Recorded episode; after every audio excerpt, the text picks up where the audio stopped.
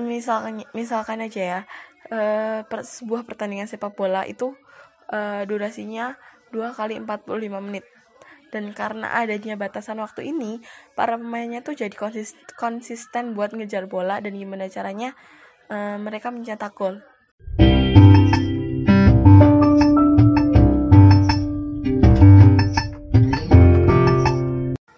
Assalamualaikum warahmatullahi wabarakatuh. Selamat datang di podcast Ketiga Kertas uh, Yang disponsori oleh Kertas ID Keluarga Tunas Kelapa SMA Negeri 1 Cawas. Uh, Dan tentunya kembali lagi dengan saya Tiara Kusuma Wardeni Dan kali ini uh, Kita bakal membahas tentang Bisa gak sih kita ngatur waktu tuh? Sekarang uh, aku mau tanya sama kalian. Ada gak sih dari kalian yang pernah ngerasa Sibuk banget sampai Waktu kalian tuh kurang. Terus ada nggak sih dari kalian tuh yang ngerasa tugas atau pekerjaan kalian tuh terlalu banyak? Ada nggak sih yang sampai ngurangin waktu tidur dan istirahat uh, untuk kerjain tugas-tugas tadi? Dan terakhir nih ya ada nggak ya yang berandai-andai bisa membelah diri jadi banyak atau menambah porsi waktu hari ini? Kalau ada berarti kita sama. Berarti uh, podcast ini tepat untuk kita dengarkan. Kali ini podcast kertas bakal membahas tentang uh, gimana sih caranya mengatur waktu sehari-hari yang baik. Mari kita bahas. Uh, ada beberapa tips untuk mengatur waktu.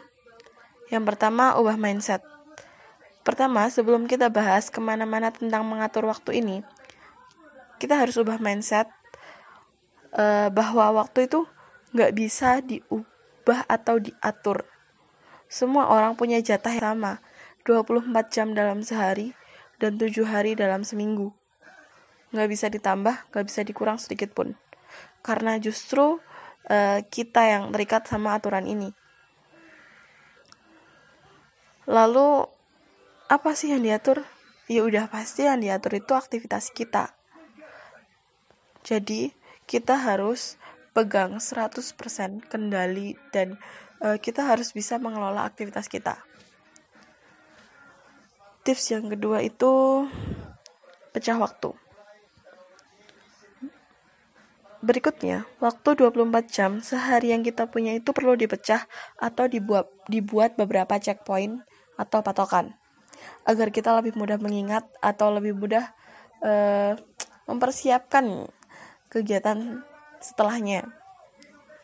Misal, waktu kita tuh dipecah jadi uh, atau dikasih setiap uh, dikasih checkpoint setiap 6 jam. Jadi jam 6, jam del, uh, jam 12, jam 18, terus jam 24. Itu dibuat sebagai patokan kita dalam mengisi waktu dengan aktivitas-aktivitas. Atau kita juga bisa buat checkpoint setiap waktu sholat misalnya. Jadi sekali lagi uh, tujuan kita bikin checkpoint ini agar kita lebih mudah mengingat dan mempersiapkan kegiatan kita selanjutnya. Tips yang ketiga, punya prioritas kegiatan. Enggak semua kegiatan harus kita ikutin. Dan enggak juga semua uh, perintah itu harus kita iakan. Bener gak sih? Kita harus punya prioritas mana kegiatan yang boleh, mana yang harus, dan mana yang terlarang. Uh, jadi semua kegiatan kita harus dilabeli dengan label-label berikut. Yang pertama wajib atau harus dikerjakan. Yang kedua sunnah atau lebih baik jika kita mengerjakannya. Yang ketiga mubah, terserah kalian mau kerjain atau enggak. Yang keempat makruh, uh, lebih baik kalian nggak ngerjain ini sih. Atau yang terakhir itu haram. Haram, haram ya haram semua kegiatan kita labeli seperti ini agar kita tuh nggak terke nggak terjebak untuk mengikuti semua kegiatan.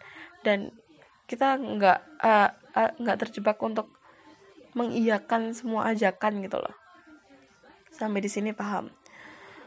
Yang keempat durasi. Berikan porsi durasi atau batas waktu untuk setiap kegiatan kita batas waktu ini akan membuat kita uh, jadi konsisten dalam mengerjakan sesuatu. Ibaratkan misalkan misalkan aja ya, uh, per, sebuah pertandingan sepak bola itu uh, durasinya 2 kali 45 menit. Dan karena adanya batasan waktu ini para pemainnya tuh jadi konsisten, konsisten buat ngejar bola dan gimana caranya uh, mereka mencetak gol. Ya kan? Uh, gini bayangin aja kalau semisal dulu itu diciptain permainan sepak bola tapi durasi waktunya satu bulan. Pasti pemainnya tuh nggak ada ambisi kan. Uh, pasti pemainnya bahkan leha-leha kan bahkan santuy bahkan nggak ada nggak punya greget gitu loh buat ngejar bola.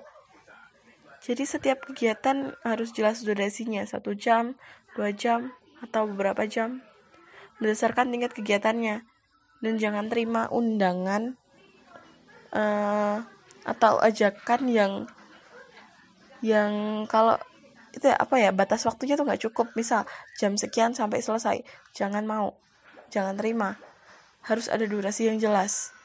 Misal ada yang ngajak ngerjain tugas ya jangan jam 1 sampai selesai. Harus ada patokannya. Misal jam uh, satu jam dua jam tiga jam atau jam 1 sampai jam 4 itu harus jelas uh, dan durasi ini bakal memudahkan kita uh, untuk mempersiapkan kegiatan berikutnya. Yang terakhir, kita udah pernah bahas sebelumnya, efektif dan efisien. Berikut uh, berikutnya, selalu kerjakan kegiatan dengan efektif dan efisien. Tinggalkan hal-hal yang gimana ya, yang menghambat efektivitas dan efisiensi kalian. Dan bawa hal-hal yang bisa hal-hal baru yang bisa meningkatkan ef efektivitas dan efisiensi kalian. Juga bekerjalah dengan sesuai judul kegiatan kalian. Misal, kegiatannya tuh uh, judulnya rapat. Ya di situ adanya rapat. Ada bahasannya. Nggak rapat dicampur ngerjain tugas. Nggak bisa. Nggak efektif. Untuk lebih jelas tentang efektif dan efisien, uh, mungkin bisa dengar podcast episode pertama yang judulnya efektif dan efisien dulu. Itu beberapa tips untuk mengelola waktu dari uh, podcast. Semoga kegiatan kalian lebih produktif. Uh, selamat mencoba selamat mempraktekkan semoga bermanfaat. Sekian dari saya. Bila ada salah kata mohon dimaafkan mohon dimaafkan Assalamualaikum warahmatullahi wabarakatuh.